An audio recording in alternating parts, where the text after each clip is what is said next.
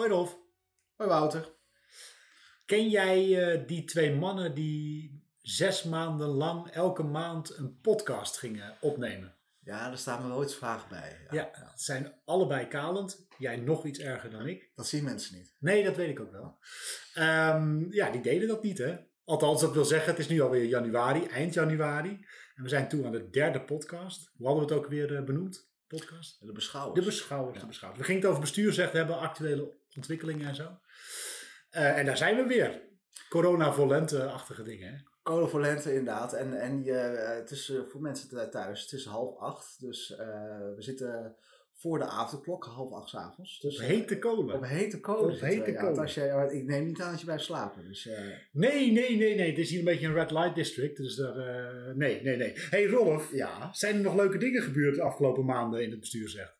Eh, nou, het, het lijkt wel of eh, corona die ontwikkeling heeft ingegeven. Want, eh, nou, allereerst hebben we de uitspraak van het Hof van Justitie. Hof van Justitie, heb ik gezien. Ja, Ja, waar ging die over? Nou, het ging over de vraag of de personele fuik van artikel 613, Ja. dus of je verplicht wordt, mag worden om de voorprocedure te volgen, je naar de rechter kunnen, of dat is eruit is met het verdrag van Aarhuis. Ja.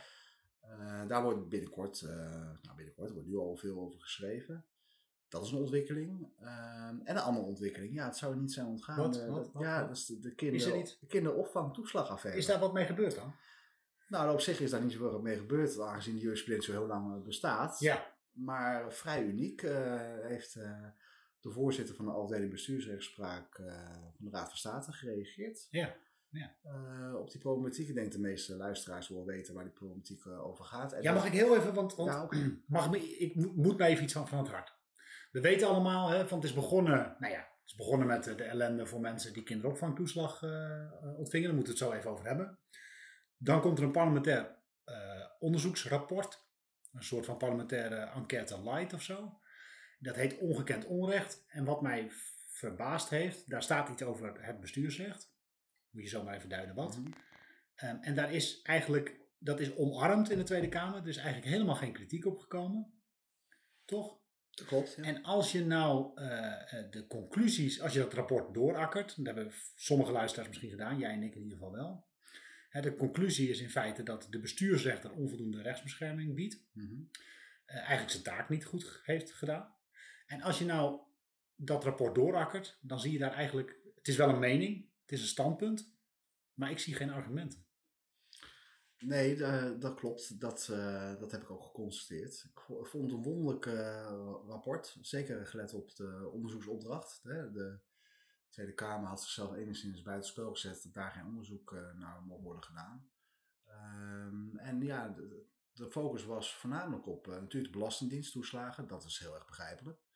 Eh, maar op de bestuursrechten. Ehm, en Edco heeft er ook eh, gereageerd in het NJB, maar er is ook een eh, filmpje op YouTube waarin hij het nog een keer uit de doeken doet. En je ziet dat hem toch dat eh, nou, heeft verbaasd. En ik kan me die verbazing heel goed voorstellen, ook omdat het onderzoeksrapport, althans de opdracht, zag niet op de bestuursrechtspraak.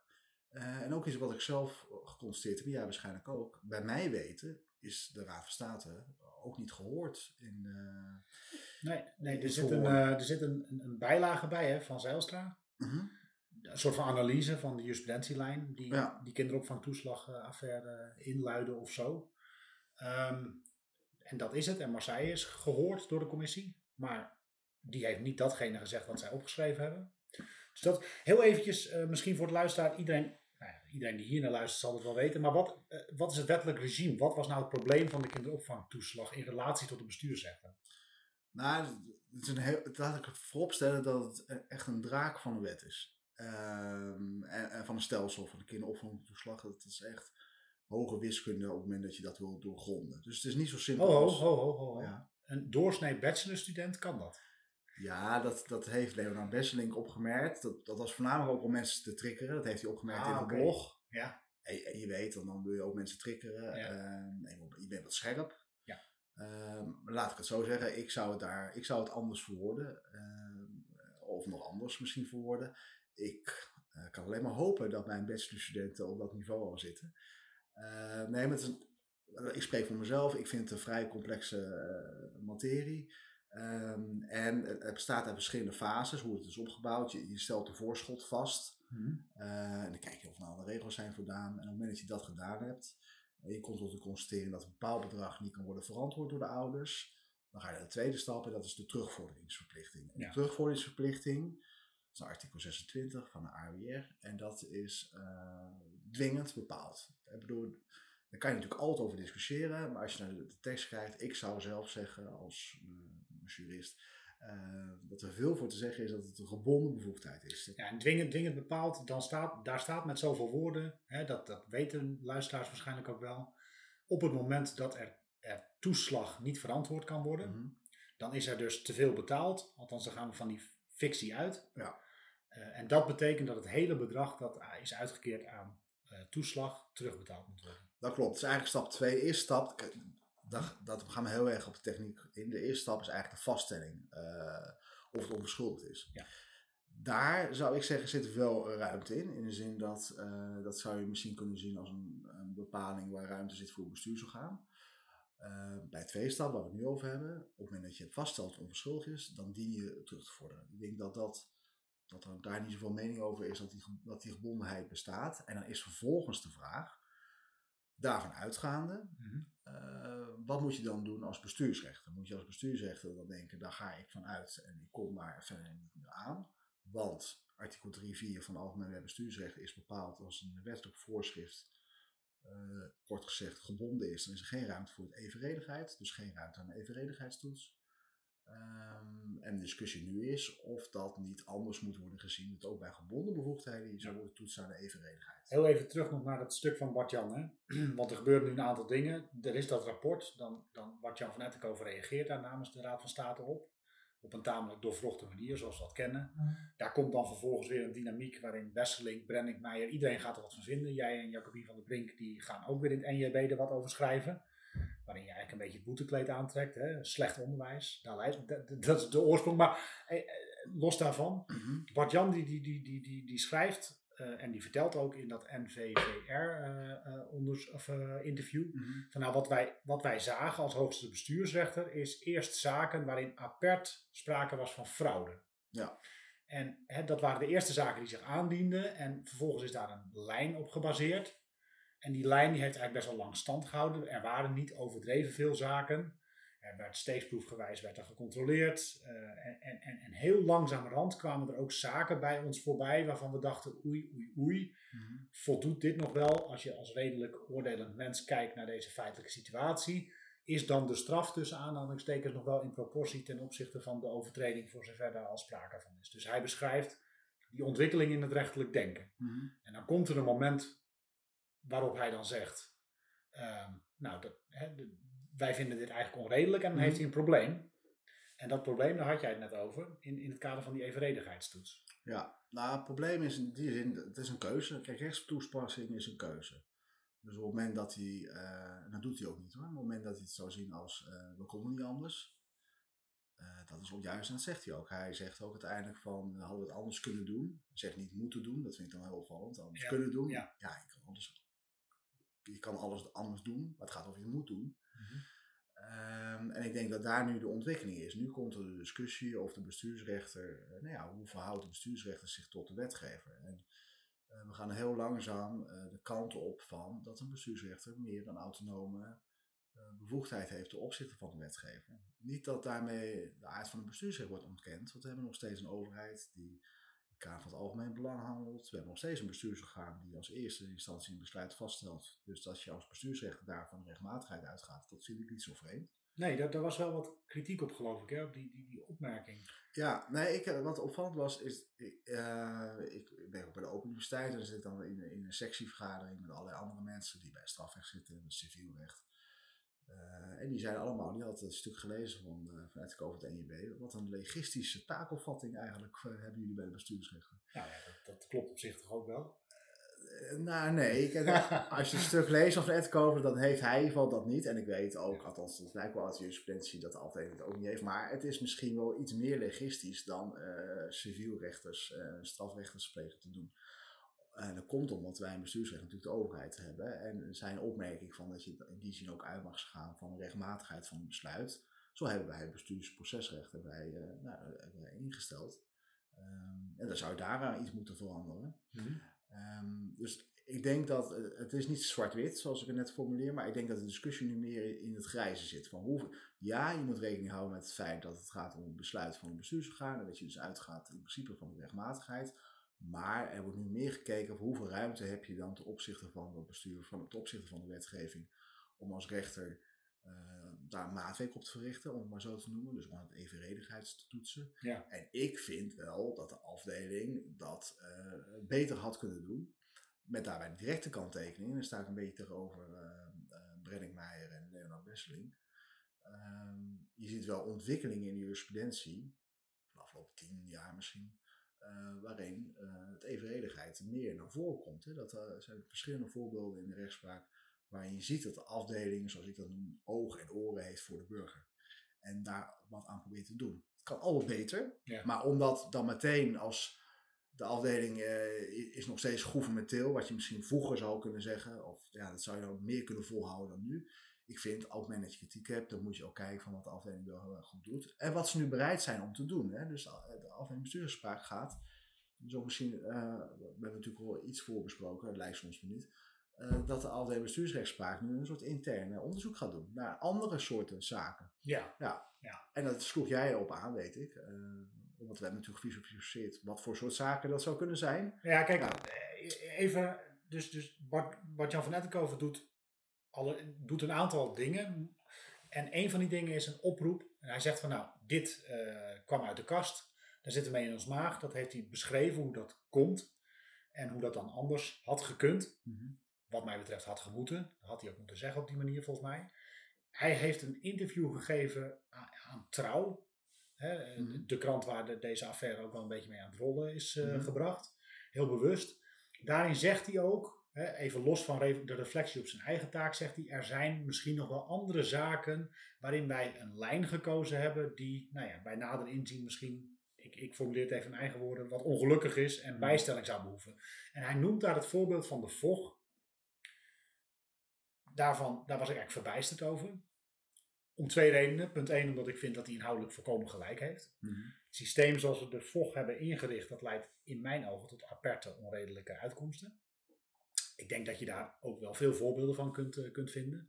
Waarbij er heel hard wordt ingegrepen in de mogelijkheden die mensen na het uh, wel of niet weigeren van zo'n VOG uh, nog hebben in het leven. Mhm. En het treft altijd de mensen die inderdaad vaak ongelukkige dingen gedaan hebben, maar in de marge van de samenleving opereren, zeg ik een beetje heel onaardig en dat Mhm. bedoel ik niet zo. Dus ik vind het punt 1 verbijsterend dat hij dat uh, als voorbeeld uh, noemt. En het is te meer verbijsterend omdat hij dat niet voor niets zegt. En dat dus al jaren en jaren aan de gang is. En, en, maar goed, hij koppelt daaraan de uitnodiging aan een ieder om mee te denken over de vraag van en in, in onze boekenkast, wat voor jurisprudentielijnen staan daar nou nog meer in die wat jullie betreft, nou ja, waar, waar we over na zouden moeten denken met elkaar. Nou Rolf, heb jij daar een voorbeeld van? Voorbeelden van uh, een, strenge jurisprudentie, ja, behalve die kinderopvangtoeslag, wat ik nu natuurlijk uh, met terugwerkende kracht Mhm. mm. bedenk. Um, ja, denk ik aan, aan bijvoorbeeld als het gaat om alcoholslotprogramma, jurisprudentie. Ja. maar ja, daar zijn de scherpe kantjes ook al van afgehaald. Sterker nog, dat heeft de afdeling voor mij al vier, vijf jaar geleden gedaan. En ik denk dat je daar ook wel heel veel onderscheid moet maken tegen waar die regelgeving uh, ligt. Ligt het op het uh, niveau van de formele wetgever? Of ligt het op het niveau van de ministeriële regeling? Waarom, waarom zou je daar onderscheid tussen moeten maken? Nou, omdat een van zijn punten die hij aanhaalt in het EJB-artikel uh, is dat we hebben natuurlijk wel artikel 120 van de grondwet, waarin staat dat je formele wetgeving niet mag toetsen aan, aan de grondwet en later is dat uitgebreid tot rechtsbeginselen, fundamentele rechtsbeginselen. Um, en je zou altijd wel kunnen betogen dat uh, op het moment dat je een bepaling uit een wet uh, bij de toepassing, toepassing laat, ja, dat je niet toetst. Ja. Dat klopt, maar het is wel een subtiel verschil. Ja. dus maar doe je dan niet, dat, dat verbaast mij dus. Mm. Hè? Dus uh, even die kinderopvangtoeslag, hij beschrijft dat systeem. Hij zegt van nou, dat zit op een bepaalde manier dwingend in elkaar. Dan krijgen we een zaak. Hè? In het begin zetten we een lijn uit. Nou, dat, daar hebben we allemaal vrede mee. Dan komt er een keer een zaak waarvan we een beetje buikpijn krijgen. Dan komt er nog eens een zaak waar we buikpijn van krijgen. En nog eens een zaak. En dan gaan we op een gegeven moment denken van oei, hoe zit dat met dat bijstellen? Dat verbaast mij dus. In de zin van dat je als, als rechter uh, een dossier voor je neus krijgt waarvan je met elkaar kunt constateren, dit is apart onredelijk, dit vinden wij apart onredelijk. Mhm. En toch laat je het passeren in het belang van een uitgezette lijn of in het belang van de verhouding van de staatsmachten. En dan denk ik, ja maar beste Bart-Jan van Etkoven en collega's, dat is jouw taak.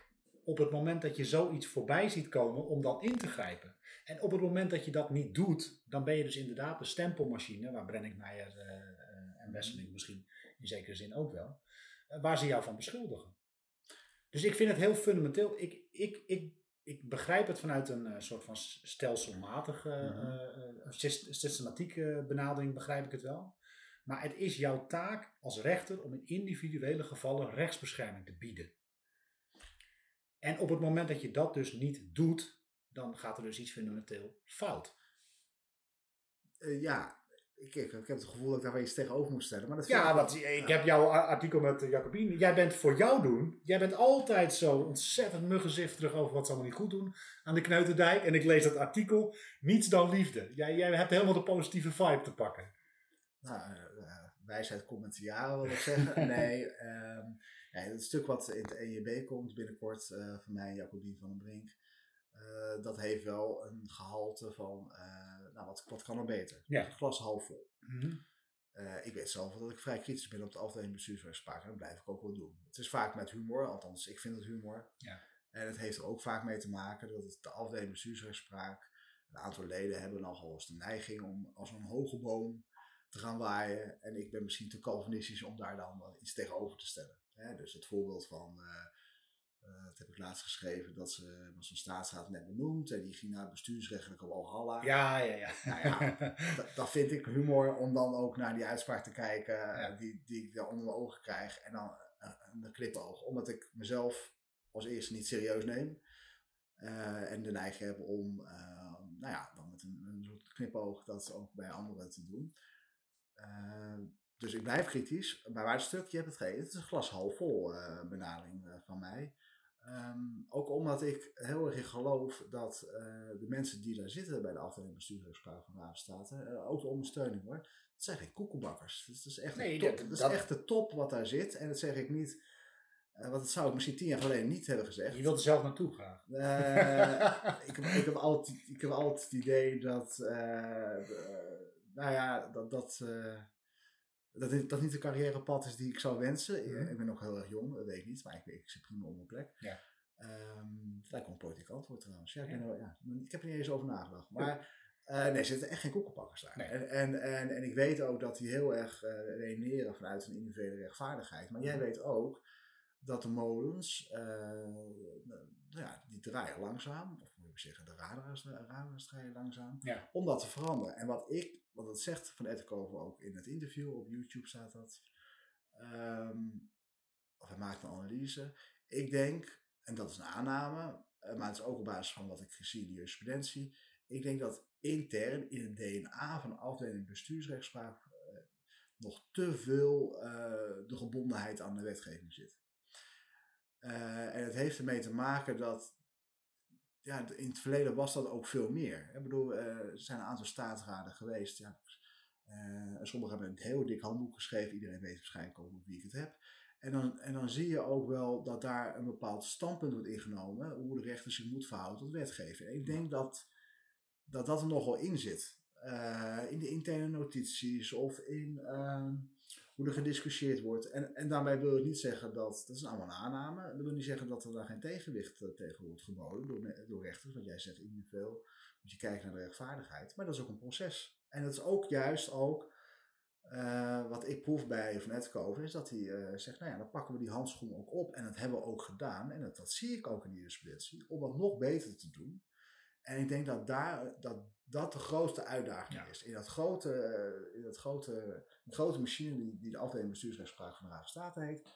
Om te kijken intern hoe kunnen we die processen nou, zoals hij dat noemt, zo organiseren dat er ook genoeg tegenwicht kan worden En geboden. Mag ik, mag ik, want we, we kwamen bij de vraag van wat voor soort zaken, hè, wat zijn nou dingen waarvan je denkt, hé, hey, dat zou eh, bijstelling behoeven? Nou, ja, jij komt tot de alcoholslot, maar dat, dat is 2014 geweest. Nee, ja, ik voel me in die zin, dat, dat, dat is iets waar ik over nadenk. Dit hebben we niet voorgesproken. Nee, mag ik, Eh, mag ik een ja. voorbeeld geven? Ja. Wij, wij hebben net een annotatietje geschreven over de term slecht levensgedrag. En wij bedoelen jij en ik, toch? Ja. oké. goed. Wij van WC. Ja, ja. We hebben net een annotatie geschreven over de invulling van slecht levensgedrag. Hè. Dat, Mhm. er lag, lag een discussie over de vraag of dat in strijd was met de dienstenrichtlijn, die term. Nou, die, die discussie is beslecht. En de afdeling zegt als je geen eh, toelichting schrijft bij, eh, bij zo'n, het gebruik van zo'n term in een vergunningstelsel, dan gaat het alleen maar over gedragingen die onder, evident onder slecht levensgedrag te Mhm. schade zijn. Ik ga jou voorspellen wat voor gedraging we ook gaan aandragen in de jurisprudentie de komende vijf jaar. Er gaat geen enkele uitspraak komen, maar misschien eh, hè, over een jaar kijken we dit nog eens terug en denken: jongen, jongen, wat een domme uitspraak. Er gaat geen enkele gedraging komen waarvan de afdeling zegt dat, valt, dat is niet evident onder slecht levensgedrag te, varen, te, te schaden. En, dat is, dat, maar dat is een cultuurding. Ja, maar ik denk dat dat de cultuurding, dat dat wel, dat, dat gaat, ik ben optimistisch, dat gaat veranderd worden, of, eh, maar dat duurt even. Eh, en ik heb wel heel veel vertrouwen in de mensen die, die daar nu zitten bij de afdeling bestuursgespraak van Raadstaat. En ik wil niet zeggen dat ik, dat ik niet kritisch ben. Hè. Op het moment dat ze weer hoog gaan waaien, dan zou ik er echt wel iets tegenover zetten in de, in de AB. Eh, maar ik heb, daar wel, ik heb daar wel vertrouwen in. Dus ik wil er wel een fles wijn op zetten hoor. Dat, Ja, nee. vijf jaar. En dan, dan zien we het niet terug, want het is een podcast, zoals je weet. Dan, luisteren we terug. Ehm, en dus, nee, dat, zo, zo zie ik dat. En ook iets, eh, misschien wel een brug, zonder dat we dit, ja, dit hebben we ook niet voor besproken. Maar dat is een brug natuurlijk ook wel naar, dat ik ook naar mezelf kijk. als wetenschapper. en Nou ja, dat, dat is even voor, voor de luisteraar, want wij hadden daar net aan jouw keukentafel over. Ja. Op anderhalve meter afstand, lieve mensen. Maar ehm, nee, je van over zegt, zonder dat hij dat verwijtend bedoelt, meer constaterend. Wij hebben weinig tegengas gekregen ten aanzien van de kinderopvangtoeslag uit de eh, wetenschap en van rechtbanken. Hebben we weinig. Eerst maar even ten aanzien van de wetenschap, want dan spreekt hij jou en, en de jouwen aan. Ja, Hoe En- kijk jij naar dat verwijt? Of nee, niet verwijt, de constatering. Dat is ook iets waar, wat ik met Jacobien eh, in het stuk neerleg in het ENB. Dat is dit weer WC 1, maar het komt toevallig zo op. Ehm, kijk, Marseille zegt er ook al iets over in, eh, in zijn verhoor. Dat hij, eh, kijk, de kindertoeslag op, kindertoeslagaffaire, kinderopvangtoeslagaffaire, dat zit heel in de randen van allerlei rechtsgebieden. Fiscaal, beetje sociaal, subsidierecht. Dat is niet een heel populair rechtsgebied. Laat ik het maar voorzichtig uitdrukken. Nee, er valt weinig geld eh, te verdienen, Nou er valt weinig eer te behalen. Ja, dus en je moet ook wel heel, je moet op verschillende terreinen deskundig zijn, wil je het kunnen doorgronden. Eh, dat is wat meespeelt, eh, waardoor het niet is opgepakt. En wat, waar het ook niet is opgepakt, althans dat dacht ik, is dat de afdeling bestuursrechtspraak van de Raad van State dat ook niet onder de aandacht heeft gebracht van de wetenschap. En dat klopt dus niet. Nee. Want ik ben zelf met jou gaan kijken eh, en eh, je, je weet, ik zit in de AB eindredactie. eh, samen met Jacobien. En nou, we hadden geteld, het aan mijn hoofd nu hoor. 22 uitspraken is door de afdeling gestuurd aan de AB om te op te nemen in de AB-kort. Ja, want, dus, ja, want de, de afdeling selecteert uitspraken die mogelijk interessant Ja. zijn voor de, rechtspra- voor de Ja. rechtspraktijk en voor de, voor de wetenschap. En dat wordt dan in AB Kort gepubliceerd. Dus ze hebben ons erop gewezen. Mhm. Dat speelt mee. Eh, althans, het speelt, speelt mee dat eh, verschillende rechtsgebieden zijn. Ze hebben er ons op gewezen. Dus eh, daar ga ik ook over nadenken. Waarom heb ik dat niet opgepakt? En maar er is nog iets wat anders meespeelt. En dat weet jij ook. En het verschilt wel per universiteit. En ik, ik, ik heb er nu twee, ik zit nu bij een ander. Maar dat speelt bij verschillende universiteiten anders, weet ik. Maar het publicatie- publicatieklimaat bij de universiteiten is niet zo dat annotaties de hemel worden ingeprezen. Ik bedoel, als ik zeg dat ik een annotatie schrijf tegen een onderzoeksdirecteur, dan gaat hij me toch aankijken, kan je niet wat nuttigs gaan doen? Mhm. Eh, en als het, als het geen internationale dimensie heeft, dan word ik helemaal eh, nou, nog net niet de deur uitgewezen. Ja. Dus er, er is ook wel iets eh, wat betreft het onderzoeksklimaat en publicatiecultuur, wat, nou ja, waar, waar ook de juridische faculteiten zichzelf moeten afvragen van, ehm, ja oké, op het moment dat, dat we hier meer aandacht aan willen vestigen, ehm, nou, dan moeten we het ook wel meer waarderen. Ehm, en ik wil niet zeggen dat, dat het ook, dit is ook niet zwart-wit hoor, Mhm. maar het, het neigt nu, en daar gaat het stuk ook over, het neigt nu ook een beetje de andere kant op, op te slaan.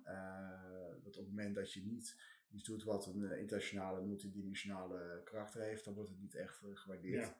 Ehm, maar in eerste instantie kijken we ook, ook naar onszelf. Nou, wij hebben dat, wij hebben dat niet opgepakt. En ehm, Ja, en dus dat is iets waar, waar ik nu ook veel meer op ga letten. Ik weet niet of ik het allemaal kan voorkomen. Maar ik vind ook dat ik mezelf aan die spiegel moet voorhouden. Maar ook wat betreft het onderwijs. Uh, en dan komen we zo op de rechtbank hoor, maar op het onderwijs. Wij leiden natuurlijk al die mensen op hè, die, die, die in de uitvoering zitten. Ja, die netjes uh, tijdens de colleges uh, met een bloknootje zitten om, te, om op te tikken wat het juiste antwoord is. Wat het juiste antwoord is, nee dat klopt. in die zin hebben wij ook stappen ondernomen, zeker bij de UvA, om nou, te kijken hoe kunnen we dat onderwijs anders inrichten. In de zin dat we studenten ook opleiden dat ze uh, meer weten, dat, uh, meer bijbrengen, dat ook in bestuursrecht rechtstoepassing altijd een keuze is. Ja. Uh, de afweging van wetgeving tegen individuele, rechts, individuele omstandigheden en rechtsnormen die achter die wetgeving zit. Dat is hoe je die vraagstelling dan vorm kan geven, door niet zoveel dus inderdaad pasklare antwoorden te vragen, maar ook meer van, er zijn meerdere antwoorden mogelijk, ga zo maar aan de slag. Nou ja, kijk, jij, jij hebt mij helemaal ingestampt. Recht is een argumentatieve wetenschap. En dat is natuurlijk ook zo. Want ik, ik, ik noemde net dat voorbeeld van slecht levensgedrag. Ik had ook best een uitspraak kunnen opschrijven waarom dat wel in strijd is met de dienstenrichtlijn. Of waarom er wel bepaalde dingen niet uh, onder dat criterium te schade zijn. Ja. Dus dat is maar net hoe je als rechter besluit dat het, uh, het balletje valt. Ja, en dat argumentieve wetenschap, dat, dat is van Franke. Laat ik dat toch Sorry. Even, ja, nee, maar nee. nee ik, ik voetnootje, zelf, voetnootje onder de Ik ben podcast. zelf niet zo briljant dat ik dat soort dingen kan bedenken. En, uh, maar Frank heeft het voor mij in ja, midden jaren negentig ook op die manier omschreven. Civielrecht is toch ook heel gangbaar. Ja. We hoeven niet verder over in, in te gaan. Hoewel ik wel constateer in een voetnootje dat de oproep die nu wordt gepleegd. uh, om die evenredigheid, dat kan je net zo goed zien als iets wat ik betoog. Redelijkheid en billijkheid. Ja, de redelijkheid en billijkheid. Ja, Daar moest ik aan denken toen ik ja, dat... Uh, die hele, maar laten we niet te veel over. Nee, ja, mensen... Nog heel even terug naar die rechtbank. Ja, want, want hij heeft het over de wetenschap gehad en over de rechtbanken. En ik heb daar eigenlijk in alle eerlijkheid, Bart-Jan van Elkover luistert deze podcast niet. Ik heb daar met lichte verbijstering naar geluisterd. Voor de luisteraar. Okay. Ja. Voor de luisteraar. Nee, wat ik, wat ik dus niet zo goed snap, hij is zelf eerste, eerste lijnsrechter geweest. Ja, zeker, hij is een collega van jou geloof ik ook, hè, bij de UvA. Toch of niet? Uh, ja, hij is, uh, hij is hoogleraar bij ons, ja, ja, bij de UvA. Maar hij is, hij is 17 jaar eerste, eerste lijnsrechter geweest mm. bij de rechtbank. Hij weet, bedoel, we lezen toch allemaal die uitspraak van de afdeling bestuursrechtspraak. Zodra een rechtbank iets ondeugends doet wat enigszins neigt naar een strijdigheid of spannendheid met een geldende jurisprudentielijn, dan komt er een, een of ander venijnig tikje op de vingers. Dan komt er weer een streepje achter je naam. En dan gaat de, de Bart-Jan, luister even, dus de frase doende hetgeen de rechtbank had behoren te doen. Ja, dat zegt alles. Laten we dat nou eens alvast, laten we beginnen met het herformuleren van deze, deze strofe. Want het zegt precies hoe de verhouding is tussen de hoge beroepsrechter en de lagere rechtbanken. En op het moment, gij oogst wat gij zaait. Dus ik, ik heb daarnaar zitten luisteren. Ik denk, hoe, hoe kan het nou dat hij in de jaren zo'n cultuuromslag heeft gemaakt? Ik spreek recht. Ik heb vrijdag nog met een rechter aan de telefoon gezeten. Die zegt ook, het is zinloos om dat soort dingen, op het moment dat er zo'n vaste jurisprudentielijn is, is het zinloos om het naar boven te sturen. Want je weet dat je de vernietiging achter je naam krijgt. De luisteraar merkt je heel gepassioneerd. Nou ja, ik, vind, ik, ik denk, het is zo'n slimme man. En er zitten zoveel slimme mensen. Ben ik nou de enige die dat ziet? Nee, toch? Hoe, hoe zei Van Gaal het ook weer? Nee, of, nee. ben je het met me oneens? Dat ja, ik ook, dat ik het gewoon verkeerd zie. Ik vind het wel van een soort rolwisseling is. Dat, ja. dat, dat, ik dan een soort... Uh, nee, maar ik heb zelf... Laat ik, laat, ik, laat ik eerst vaststellen dat er rechtbank Rotterdam is geweest die tegen die leiding is ingegaan. Ja. uh, maar ik ken wel wat jij omschrijft, alleen ik zou het niet zo hard verwoorden zoals je nu omschrijft. Dat uh, op het moment dat er een bepaalde jurisprudentielijn is van de afdeling, dan is althans dat hoor ik al van rechters terug, dan moet er een hele goede reden zijn, wil je dan uit een soort individuele rechtvaardigheid een andere lijn kiezen, omdat het toch op die manier wordt teruggestuurd zoals jij wordt teruggestuurd. Sterker ja. nog, binnen de interne processen wordt ook heel vaak gezegd, dit is de lijn van de afdeling en zo gaan we dat doen. Maar dat is ook een, ook een, een menselijk aspect. De mensen die die uitspraken schrijven, ook bij de bestuursrechtbanken, dat zijn soms natuurlijk ook wel de rechters, maar ook de ondersteuning. Mm -hmm. En die kijken ook in de handboeken en hoe het precies die lijnen zijn. En die, ja. die stellen zo'n uh, concept op. En dat is uiteindelijk natuurlijk ook de rechter die, dan, die, die, die daarmee verder gaat. Ja. Het zijn ook meer handvatten wat je krijgt. En dat is de rechter natuurlijk die die uitspraak doet. Uh, dus ik herken het wel, dat, dat uh, het misschien zinledig wordt geacht om dan tegen die afdeling in te gaan. En, en dat, dat, dat noemt Veretkoven ook in zijn zijn interview, wat dus op YouTube staat, dat, uh, dat, hij, dat hij constateert dat die rechtbanken dat niet hebben gedaan. Maar dat is hem ook uitnodigt om dat nu wel te doen. Dus ik zie ook op dit punt weer, ja. excuus, het glas half vol. Nee, maar dat, dat oké, dus, dus daar zijn we het 100% over eens. Dus ik vind het hartstikke goed dat het gebeurt. Het maar, verbaast mij alleen dat hij uitspreekt, hij constateert dat het niet gebeurd is. En dan denk ik, ja, maar dat heeft te maken met de dynamiek die je met elkaar creëert. Ja, maar dat wil hij iets, iets aan doen. Althans, zo vat ik zijn betoog op. Nee. En het is, het is een langzaam proces. En het is niet een morgen opgelost, maar uh, de algemene bestuursrechtspraak. En dat zou de luisteraar misschien vreemd vinden dat ik dat zeg. Die zit nu wel in de hoek. Die is nu wel in de hoek uh, geduwd alle klappen vallen. En dat vind ik onterecht. Uh, ik kan heel veel dingen benoemen die niet goed gaan. Ja. Het, ja Nee, maar Gijs onder we hebben de eerste steen. Ik wil niet heel bijbels overkomen, maar dat, dat, dat, dat heb ik dan wel. Ik, en, zeker omdat een commissie dan uh, dat niet als haar taak had. Ja. Om dan nee, zulke en slecht onderbouwd, maar daar, daar zijn we mee begonnen. Daar ben ik 100% met je eens. En ik vind ook met die reactie van Bart-Jan vind ik op, op, uh, op, op punt ook helemaal niks mis. Nee. Alleen er zijn een paar dingen die hij dan aanhaalt waarvan ik, waar, waar, ik dan naar luister en denk van ja, dat vind ik dan toch wel een beetje apart. Ja, maar we gaan het zien, want ja. er is nu een motie ook aangenomen. We hebben verschillende moties aangenomen, twee eigenlijk die van belang zijn. En misschien kunnen we met de laatste besluiten die ik benoemde. De eerste is natuurlijk dat van omzicht dat die de Venetische Commissie oproept om onderzoek te doen naar uh, hoe de bestuursrechtspraak in elkaar zit. En uh, dat we eigenlijk af moeten van de marginale toetsing. Ja. Wat vrij, daar ben ik wel met het over eens, vrij uit rechtsstatelijk oogpunt bedenkelijk is. De wetgevende macht die vraagtekens roept over de, nou het is niet de rechtspreken mag, maar even de bestuursrechtspraak. Ja. En de tweede motie, dat ligt aan de lijn van de evenredigheid van uh, Marijnissen en Jette. Jette inderdaad. Om in de algemeen bestuursrecht uh, de algemeen beginsel van behoorlijk bestuur te verankeren, te codificeren en daarbij op te nemen dat die algemeen beginsel van behoorlijk bestuur de wetgeving in die zin opzij kan zetten als het onevenredig uitpakt of onrechtvaardig uitpakt voetnoot, redelijkheid en billijkheid. uh, en, en, dat is aangenomen, want jij zei het uh, voor je naar binnen kwam, uh, je had precies 109. 149 tegen 0. Ja, dus dan moet, er, dan moet nu... Ja, er moet iets... Kijk, ja, die, die, motie die, die, die zegt dit, mm -hmm. die is kamerbreed volgens mij aangenomen, als ik het goed gezien heb op de, de website van de Tweede Kamer. Um, en daar moet nu een reactie op komen vanuit de regering. Maar het is een hele fundamentele. Het is uitermate interessante volgens mij. Uh, namelijk dat je, dat je, je zou als, als, uh, als Tweede Kamer, als, als wetgever, geef je de rechter de opdracht op het moment dat wij wetten maken die uh, nou ja, naar jouw oordeel onredelijk uitpakken, mm -hmm. wilt u ons dan corrigeren? Dat is vanuit staatsrechtelijk ook, ook een hele interessante. Nou, wat ik interessant aan vind, is dat die bevoegdheid al lang bestaat. En dan heb je niet een verankering nodig in de AWB.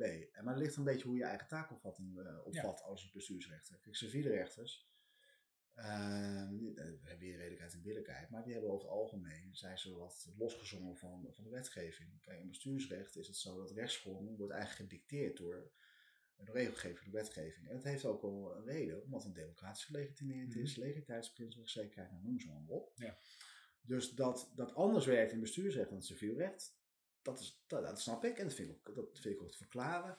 Um, maar uh, om nu te zeggen van ja, moet, die, die rechtsbeginselen moeten in de AWB worden opgenomen en pas dan heeft het bestuursrecht handvatten uh, om van de wet af te wijken. Ja, dat vind ik in die zin ja, dat onzinnig. Is een, nou ja, het, het, is ook een hele interessante, want bij, bij, de, bij de invoering van de AWB, als het gaat over, uh, weet ik veel, wat, wat hebben we niet gecodificeerd, vertrouwensbeginsel? Ja, bijvoorbeeld. Ja. Dat is, ja, dat, die discussie is ook al die is heel oud, is van de jaren 90. En vertrouwensbeginsel is wel gecodificeerd wat betreft subsidie, maar niet in het algemeen. En aan het vertrouwensbeginsel hangt heel, heel erg een ander leerstuk wat ook niet gecodificeerd is. En dat is namelijk het intrekken van besluiten. En, en toen daarover gediscussieerd werd om daar, dat op te nemen in het algemeen bestuursrecht, toen is gezegd in de parlementaire geschiedenis, ja dat is een te complex uh, geheel ja. om dat te codificeren. Zeker omdat je zoveel verschillende soorten besluiten hebt. Je hebt besluiten, vrije besluiten, je hebt natuurlijk sancties om daar een algemene regeling van te maken, dat is heel lastig. Ja. Uh, vertrouwensbeginsel, dat, dat, is voor mij ook heel lastig om, om dat te codificeren. Um, kijk, en dat het niet gedaan is, dat, dat zegt ook al wat. Bedoel, vroeger zat er een, een nog briljantere wetgevingsjurist die wij allebei kennen qua naam, Nico Verheij. Mm -hmm. Nou, stel dat hij dit heeft geprobeerd om te doen en het is hem niet gelukt. Nou, dan ja. moet je ook van op behoorlijk goede huizen komen ja. om dat nu wel te doen. Ja, nee, de, de, de, de intellectuele gelijken van Nico van Heij, daar zijn er niet zoveel van, vrees ik. Nee, ja, daar hebben ze allebei fan van die Ja, ja, dat, ja, mogen we, dat mag wel op de, op podcast gezegd worden. Ja, nou, nee. dus, eh, dus ik ben heel nieuwsgierig eh, wat eruit gaat komen. Dat die discussies zich gaat voortzetten, dat, dat is zeker. Ja. Ehm, en welke kant het op gaat. Ik denk dat het belangrijkste om, om ook om afronden te zijn, want we kijken allebei naar de klok. En je moet ook zo meteen voor de avondklok natuurlijk gewoon Ja, het begint een beetje. Anders blijf je slapen. De, de kolen worden langzaam een beetje warm. Ja, ik denk dat de discussie eh, heel erg op, op eh, de taakopvatting van de bestuursrechter ten opzichte van wetgeving gaat zitten. En dan moet die ook zitten. Ehm, en mijn eerste, aan, mijn eerste analyse is, aanname is dat eh, het voornamelijk in, het, het denkproces zit van eh, de organisatie, dus de DNA. Ehm, wat jij ook constateerde. Eh, als je alleen maar eh, kijkt naar het handboek eh, wat de ING gebruikt van Scheuder Vlaskom, laat ik de naam toch noemen, dan zie je heel veel overeenkomsten met de lijn die door sommigen als gouvernementeel wordt bestempeld. Ja.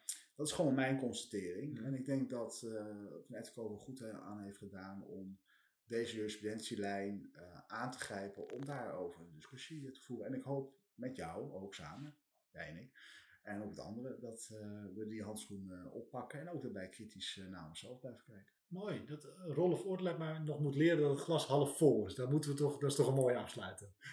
Ja, en mensen die me kennen, die weten dat, dat ik dat niet op elk punt heb. Maar ik, misschien ben ik wel heel goed gemutst in, de, in coronatijd. Nou. nou en, ik, en ik heb heel veel vertrouwen in de mensen die, die er zitten. Heb ik natuurlijk bij anderen. Uh, ja, ik heb er gewoon veel vertrouwen in. Goed zo. Ja. Nou, met die woorden, beste luisteraars, sluiten we af. Hopelijk tot volgende maand. Uh, hopelijk tot snel. Ja, tot snel. Dag. Dag.